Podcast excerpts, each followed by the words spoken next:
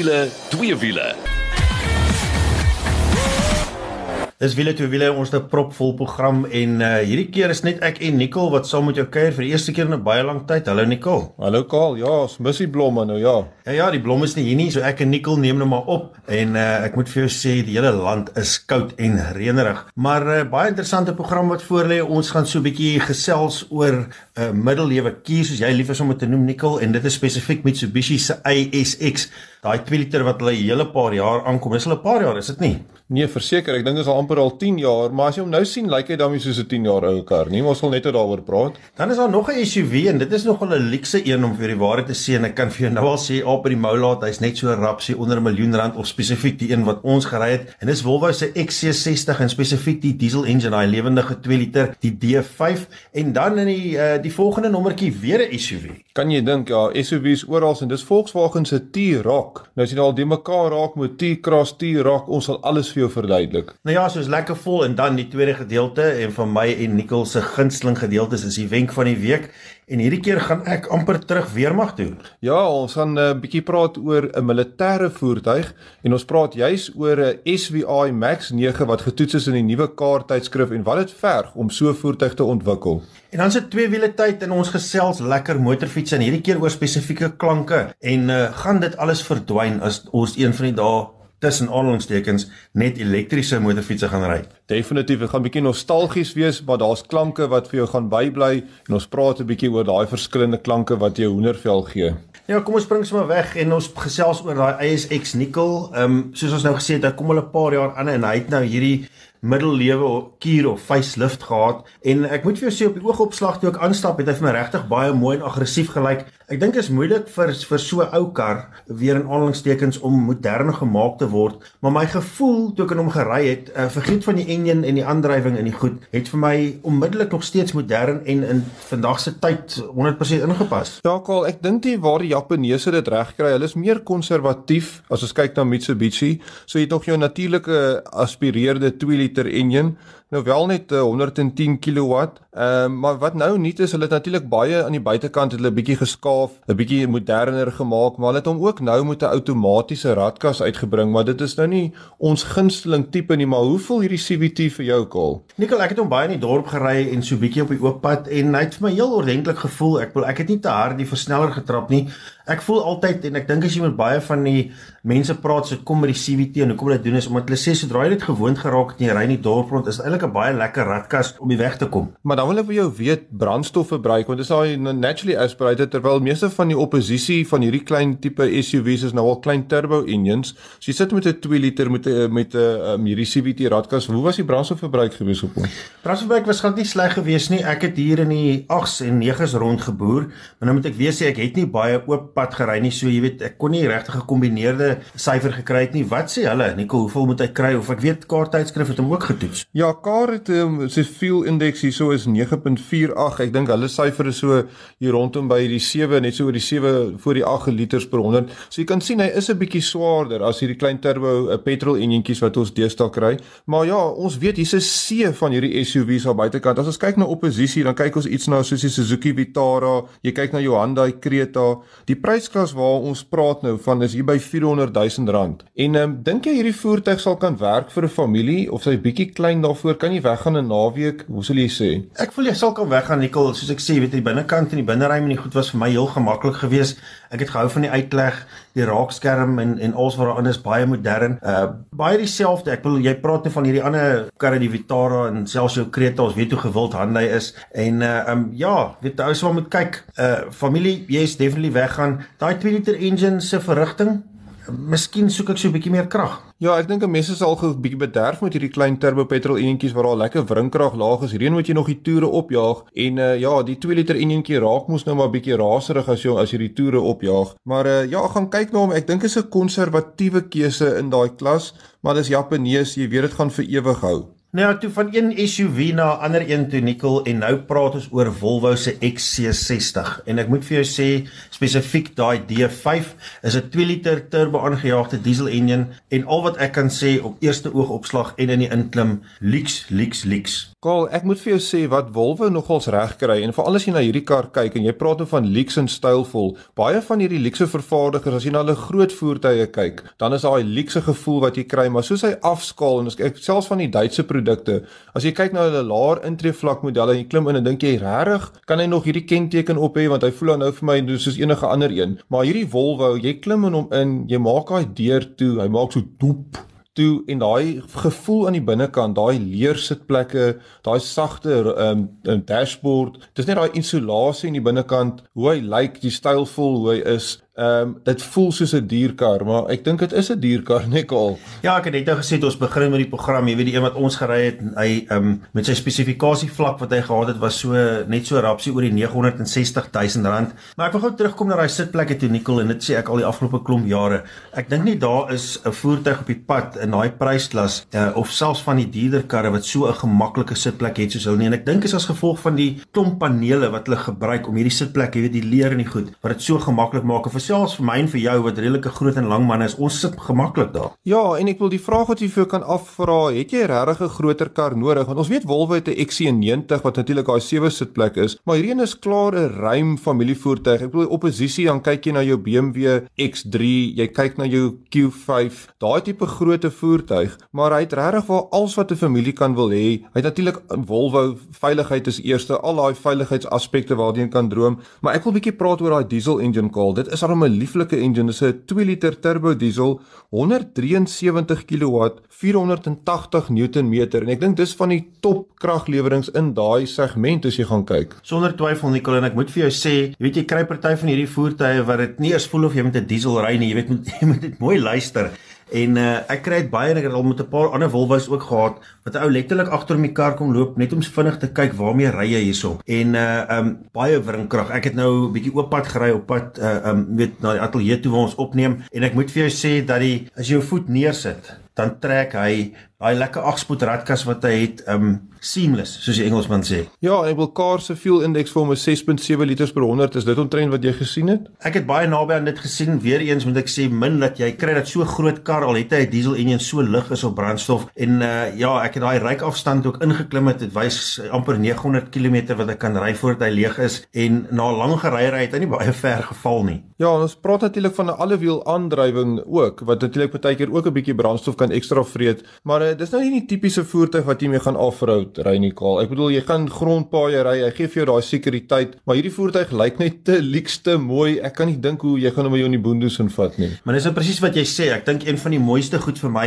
nou kyk van agter af, jou Volvo is baie lief om hierdie so wat hulle noem sê signature look te hê aan die agterkant. So as jy agter 'n Volvo verbyloop en jy kyk vir spesifiek vir sy agterligte, dan kan jy sien hierdie is 'n Volvo. Maar soos jy nou toe aanloop van voor af, Nicole, seker van die mooiste sierrooster en ligte wat jy kan kry. Mooi afgerond, alles pas mooi in, baie modern stylvol en aggressief. Ja, nee, verseker, ek dink die Swede het het hierso iets reg gekry. So as jy in daai mark is vir daai tipe en ons ons praat hierso van die intree vlak kos hy so oor 790 000 rand vir daai diesel die reeks as jy na hom gaan kyk, begin dit net so oor die 700 000 rand. Dis vir die D4 en dan gaan hy al die pad op tot by die T6 en dan kyk jy hierna so 847 000 rand. So as jy na die mark is, gaan ry na al die oppositie en ons dink veral aan al die Duitse oppositie en dan gaan klim jy in hierdie kar en vergelyk jy bietjie. Wat vir my ook uitgestaan het in die kar is die gemak en die goed gebalanseerdheid van die kar. As jy van die Duitse produkte ry, uh, kom ons praat sommer BMW X3 is miskien meer sportief in die manier hoe hy hanteer en goed, maar hierdie een is definitief uit daai sportiewe kant, maar hy het ook daai gemaklike ry kant wat meer so half familie georiënteerd is. Hy het 'n baie goeie balans hierdie voertuig. Dis sonder twyfel so Nicole en ek dink daai binnery, die manier hoe dit afgewerk is, die instrumentepaneel, selfs daai raakskerm is ek baie lief voor, baie presies dieselfde as wat jy in die XC90 kry. En ek dink aan daai XC familie is hierdie miskien die een waarop ek my geld sal uitgee. Ja, nee, verseker, uh, definitief uh, gaan kyk na hom, gaan kyk gaan besoek bietjie 'n wolwehandelaar en ek het 'n gevoel jy gaan by hom vashak. Ja, en nou nog 'n SUV. Nou kyk, kom ons sê dit nou maar, dit is definitief een van die mees groeiende segmente wat jy kan kry en uh um ten koste van sedans en is wêreldwyd en ek dink Suid-Afrika meer as enige ander land is die SUV's regtig besig uh om om net te groei. Jaar op jaar raak dit net beter en en en mooier en ek moet vir jou sê dat Volkswagen het nou hierdie T-Roc uitgebring wat hulle sê so reg in die middel van hulle hele reeks inpas. Voel jy daar's 'n plek vir hom? Jo, Karl, mense het gedink al al die plekke is gevat, maar dit lyk my daar's nog 'n plek. Maar ek dink ons moet gou net uh, verstel wat hier aangegaan het. Dit was natuurlik 'n virtuele bekendstelling nou met hierdie virusie wat ons so pla. Is alles virtueel. Ongelukkig kan nie vir ons 'n virtuele middagete gee saam met die bekendstelling nie. Maar ehm um, so ja, hulle het vir ons Volkswagen het vir ons bietjie daar deur die voertuig gevat aanlyn en uh, kom ons sê gewaai inpas. Onthou Volkswagen het begin met 'n Touareg, né? Nee? Dit was hulle eerste SUV. Toe ja, jy gekry die Tiguan. Ja, dit was in 2003. Kan jy so ver terug? So lank terug en uh um ek kan nog die advertensie ook baie mooi onthou. So hulle het in die mark ingespring met hierdie groot luukse SUV en dit het baie koppe laat draai en ja, toe kom die Tiguan uit wat uh baie goed ontvang is in ons land en ek dink die nuwe een sommer nog beter na hy sy middelewe kuur gehad het of sy hele facelift gehad het. Dis 'n hele heeltemal 'n nuwe kar en nou kom hulle met die T-Roc wat hulle sê net mooi in die middel pas van hierdie modelreeks en weer eens baie gewilde segment en prys weet ons nou definitief nog nie. Hulle wil nie heeltemal vir ons sê net so half 'n idee. Hulle ja, so half 'n idee van so by 500 000, maar voor ons nou daaraan kom, dis natuurlik omdat die rand nou so wissel en so te kere gaan, maar ehm um, ja, ons weet daar was 'n T-Cross ook. So kom ons praat net gou oor die name want Volkswagen soos jy SUV koop, gaan hy met 'n T begin. Daar's vir jou eerste leidraad. Die T-Cross is die klein enetjie. So hy is gebaseer op die Polo platform.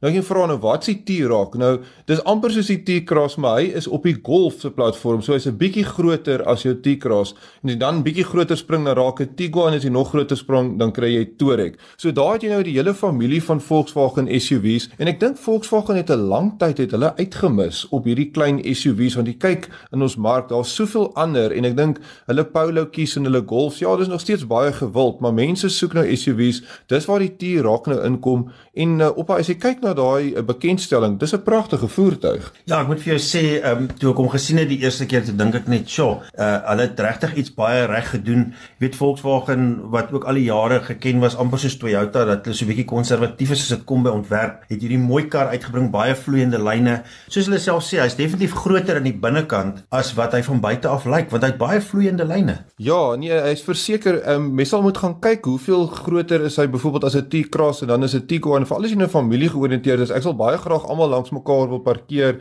en in vergelyk wat is die karakter van van elkeen maar verseker hy gaan bekend gestel word met 'n 1.4 turbo petrol enjin van 110 kW Hulle praat van nog gaan later nog aandrywing kom. Hulle praat selfs van 'n 1.5 turbo wat ek weet ook in die Golf oorsee loop, so dit sal interessant wees. Ehm um, so ja, definitief iets om na te kyk. As ons kyk na daai binneruim, ehm um, natuurlik daai mooi raakskerm. Dink aan die nuwe Polo of die T-Cross. Hy lyk baie soos dit, net bietjie groter.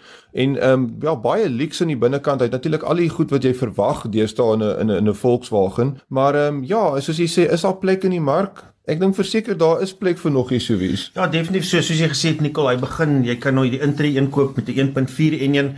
Jy kry ook 'n 2 liter 140 kW enetjie wat uh um ek definitief onder uh my voete wil hê dat ek hom so 'n bietjie kan ry en mee kan speel.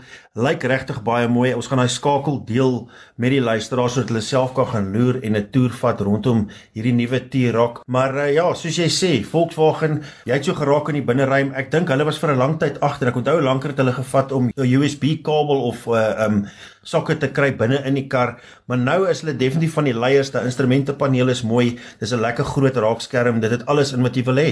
Maar die vraag is, gaan ons ooit 'n T-Roc GTI of T-Roc R kry? Dink jy ons gaan nie? Dis definitief 'n vraag wat almal gaan vra en ek dink die rigting waarin hierdie goed gaan waar die mense die beste van beide wêrelde wil hê. Wil ek vir jou liewer sê in Nicole met nog 'n vraag, hoekom dan nou nie? ja, verseker. Nou ja, dis dit vir die eerste gedeelte van wiele twee wiele. Ons gaan nou 'n breek vat en dan is ons terug met die wenk van die week en lekker twee wiele gesels. Nou ja, as jy nou net by ons ingeskakel het, dit is wiele, twee wiele en saam met jou kuier ek en Nicole Lou. Nou voor ons by die wen kom, moet ek eers vir jou sê, dit is sulke tyd, uh, ons is besig om al hoe nader aan vlak 1 te beweeg. Nou ek weet nie wanneer 'n ou kan begin vakansie hou nie, maar jy het definitief nog baie tyd om te beplan. Veral as jy hou van die bos en die buitelewe, gemaak 'n draai op Ironman 4x4 se webtuiste, gaan loer 'n bietjie daar. Dis ironman4x4.co.za En ek moet vir jou sê as jy lus het vir speel en hou van die buitelewe is dit die plek waar jy wil wees. Deskundige mense, jy kan selfs met hulle gesels en vir hulle die vrae vra wat jy wil weet. En miskien ja, het hierdie inperking gemaak dat jy nie meer in hotelle wil gaan bly nie, maar liewer wil gaan buite speel soos in die ou dae. Dis Ironman 4x4. Nou Nikkel, nou die wenk van die week en ons gesels nou oor wat vat dit om 'n voertuig, 'n militêre voertuig te maak. En uh ehm um, ja, jy het my nogal hoendervleis gegee want ek het sommer gedink aan my weermag daar toe ek daai artikel sien. Ja, Karl, jy praat nou net van Ironman 4x4 en ons weet in Suid-Afrika is die mense so lus om hulle bakkies uit te kiet en suspensie en um, groot wiele en al die tipe van goed. Dan kyk jy na een van hierdie militêre voertuie soos SVI se Max 9 en uh ja, Dit lyk hom soos iets wat op steroïdes is. Ek al ek bedoel jy praat hier van 'n hulle noem dit 'n armored personnel carrier. So dink aan die ou tyd sal jy nou praat van 'n Casper of so iets, maar dis 'n moderne voertuig en 'n um, ongelooflike ding, 7.5 ton, 4x4 Duflox oral, 6.7 liter Cummins engine, amper 1000 Newton meter. Hierdie ding stop vir niks. Ja, ek moet vir jou sê as ek so na daai wiele en goed kyk, ek kyk na daai foto in die nuwe kaart tydskrif, dan laat dit my sommer dink aan 'n uh, ratelwiele wat ons so moes omruil en goed en Nicole, maar dis nie net 'n kar wat jy net die panele van bietjie dikker maak en 'n bietjie dikker glas en so nie. Daar gaan baie werk agter dit in. Ja, nee, dis baie interessant die militêre bedryf en hoe dit werk. Ons is gewoond aan siviele voertuie wat gebou word op 'n produksielyn en dis is honderde duisende karre wat gebou word. Hierdie voertuie word spesifiek vir 'n doel gebou en dit is maatskappye soos SVI, ehm um, wat dan hierdie tipe voertuie kan ontwikkel met 'n ingenieurspan en gewoonlik is dit vir of 'n tender of jy moet 'n voertuig ontwikkel wat jy dan na die tyd gaan bemark. So dis baie kleiner volumes wat jy van praat, maar as jy ook kyk na jou ehm um, soos hulle in Engels sê jou jou requirements of jou vereistes van hierdie voertuie is ongelooflik. Jy praat van temperature van um minus 40 tot en met 60 grade wat hierdie goed moet kan ry in die sand, oral in die sneeu. Um hy moet natuurlik gaan dit om troepe te dra en te beskerm en jou beskerming is eintlik een van die belangrikste goed op hierdie voertuig. So ek het vir Jaco de Kok wat die CEO is van SVI bietjie gaan vra nou maar wat verg dit om so voertuig te bou en hy het so lagend geskers dat nee wat is maklik jy bou net die romp en dan kry jy sommer net die die engines en goed is als van 'n militêre kategorie af en jy sit alles in mekaar en daar's die voertuig maar dit werk glad nie so maklik nie. Alles word deesdae met die rekenaar uitgewerk. Dis vereistes, dis simulasies, daai romp nê. Hy hang af wat se wat se vlak van beskerming. Hulle praat van standaard levels wat um, wat hy kan beskerm. Dit is natuurlik vir vir myne en ook vir vir um, rifles, assault rifles. Um, kan tussen 9 en 23 mm dik wees daai romp. En hy het natuurlik een van hierdie V-vorm romp want dit is natuurlik 'n ding van onderaf ontplof. Daai energie moet van die mense af weggaan en dis om alles om daai energie weg te vat. So dis 'n ongelooflike voertuig. Nou ek weet jy het so 'n bietjie met hom gery en het net so geraak raak aan die engine spesifikasies. Uh jy was onder andere by Geratech ook gewees het dit vir my gelyk na die videoetjie wat ek daar gekyk het. Sê my gou uh Nicole, hoe loop hy? Hy voel seker maar swaar en so 'n bietjie lui. Ja, ons wat gewoond is aan gewone passasierskarre, maar ek sê vir jou sê daar's een gevoel wat jy het en dis invincible. Daai ding, ek ons loop ry op by Eurotech en ek wil daar's van daai gate en goeters wat 'n Hilux se suspensie gaan afruk. En hierdie ding ry daar oor en hy weet nie eers daarvan nie. Dis ongelooflik wat wat hierdie ding kan doen, wat waar wat se deur water hy kan ry, wat se um, stylte hy kan opgaan. Dis dis absoluut ongelooflik, maar ja, daai stuurgevoel, daar is geen stuurgevoel nie want hy is so hidrolies geassist dat hy kan deur modder goed stuur sonder om jou terug te skop. Hy is natuurlik nie die vinnigste ding nie. Hy kan wel tot en met 120 en hulle praat van 140 selfs kilometer per uur ry, maar dit vat 'n lang tyd om daar uit te kom. Maar dat ek vir jou sê as jy in die bos is en jy word op op, op geskiet en aangeval en so aan, dan wil jy niks anders wees as hierdie voertuig. So jy wil tog vir my sê daar's 'n paar buurte in ons land wat jy rustig met hom sal deurry en uh, miskien selfs vir die mense hoeter blaas of hulle waai van binne af en dan ook 'n uh, eh, 'n um, natuurlike taxi sal jy miskien so 'n bietjie meer respek vir 'n man hê as hulle so ding sien aankom. Kyk, dis hoekom jy moet 'n permit hê as jy een van hierdie voertuie wil hê want ek dink as jy met hierdie ding begin aan die een kant van 'n woonbuurt, kan jy aan die ander kant eindig in 'n reguit lyn deur die huise en deur mure en alles want dis net oh, jy voel soos jy kan enigiets oor enigiets ry, deur enigiets ry. En ja, dit word natuurlik baie streng bepaal hierdie reëls vir wanneer mag jy hierdie voertuie hê, natuurlik om dit te verkoop ook. Dis natuurlik 'n uit en uit 'n militêre produk. Iets wat ek vir jou wil sê wat interessant is is die um, sisteme wat jy op die voertuig kan sit, kan selfs duurder wees as die voertuig self. Ons praat hier van 'n 6 miljoen rand voertuig, maar as jy begin kyk na turrets en masjiengewere en rocket launchers en goed, kan dit maklik duurder as die voertuig self wees. nou ja, hy het my 'n video gewys sou Nickel en ek moet vir jou sê ons gaan hom live sodat jy self kan gaan loer. Ons een stuk waar hulle lekker skiet met hom en uh um as 'n man moet ek vir jou sê, "Jog, dit het my nogal uh hoendervel gegee, Nickel." Maar nou twee wiele en ons praat oor klank en daar's een liefde wat ek en jy albei het en verder weet ek nie wat het jou hartsnare geroer nie, maar dit is 'n klank van 'n twee slag motorfiets.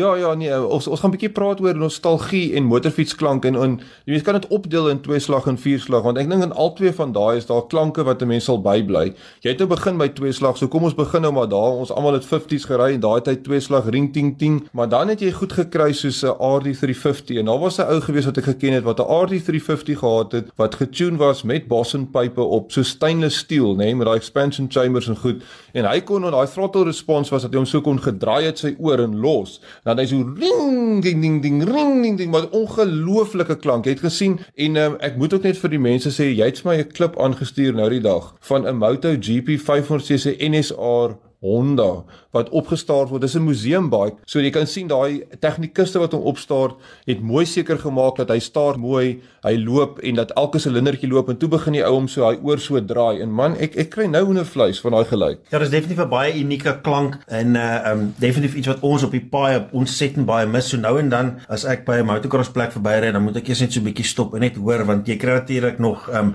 lekker twee slag off-road fietsse, maar dan jou vier slag inlyn vier silinder. Dis nou die een wat ons almal ken en hy het homself 'n baie unieke klank. Ja, nee, ons almal ken die superbike, daai geskree geluid en ek bedoel vroeg op 'n Sondagoggend dan uh, hoor jy hom nog gereeld daai wat die ref so. Ek bedoel as jy kyk na daai 600s nê, van daai 600s het geref tot by 16000 rpm. Nou praat ek nie eers van die 90 se 250 wat 'n 4 silinder was wat tot by 20000 rpm kon ref nie. So nee, hulle het dan nog vir jou mooi geskree geluid gemaak, maar ek wil 'n bietjie verder terug gaan kaal. Ehm um, goed soos daai 6 silinders Honda CBX'e.